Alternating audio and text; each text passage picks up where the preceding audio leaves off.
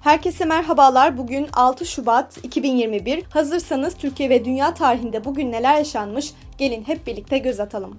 Dünya tarihinde bugün yaşananlar. 1933 İngiltere'den Güney Afrika'ya ilk duraksız uçuş yapıldı. 1936 Kış Olimpiyat Oyunları Almanya'da başladı. Türkiye ilk kez katıldı.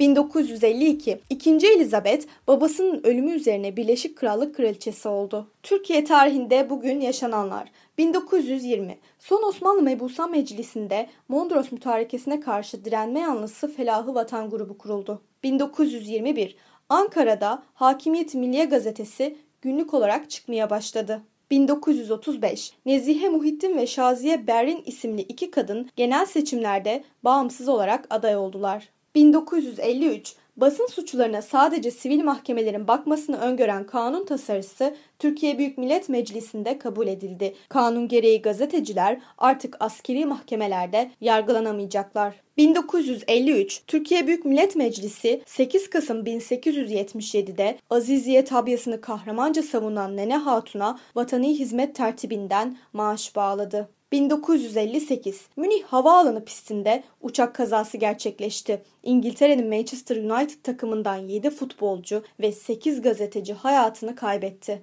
1967 Türkiye Petrolleri Anonim Ortaklığı'nın Batman rafinerisinde grev başladı. Greve Türkiye Petrokimya Lastik İşçileri Sendikası Petrol İş Üyesi 1900 işçi katıldı. 1998 Devlet İstatistik Enstitüsü tarafından yapılan açıklamada Türkiye'nin nüfusunun 62 milyon 610 bin 252 olduğu bildirildi. 2008 Türkiye Büyük Millet Meclisi'nde saat 15 itibarıyla ilk resmi başörtüsü serbestliği için tartışmalar ve oylamalar yapıldı. Bugün doğanlar 1945 Jamaikalı şarkıcı Bob Marley dünyaya geldi. Bugün hayatını kaybedenler 1521 Asi Şam Beylerbeyi Canberdi Gazali hayatını kaybetti. 2002 Türk siyasetçi Osman Bölükbaşı hayata veda etti. 2013 Türk tiyatro oyuncusu Macide Tanır hayatını kaybetti.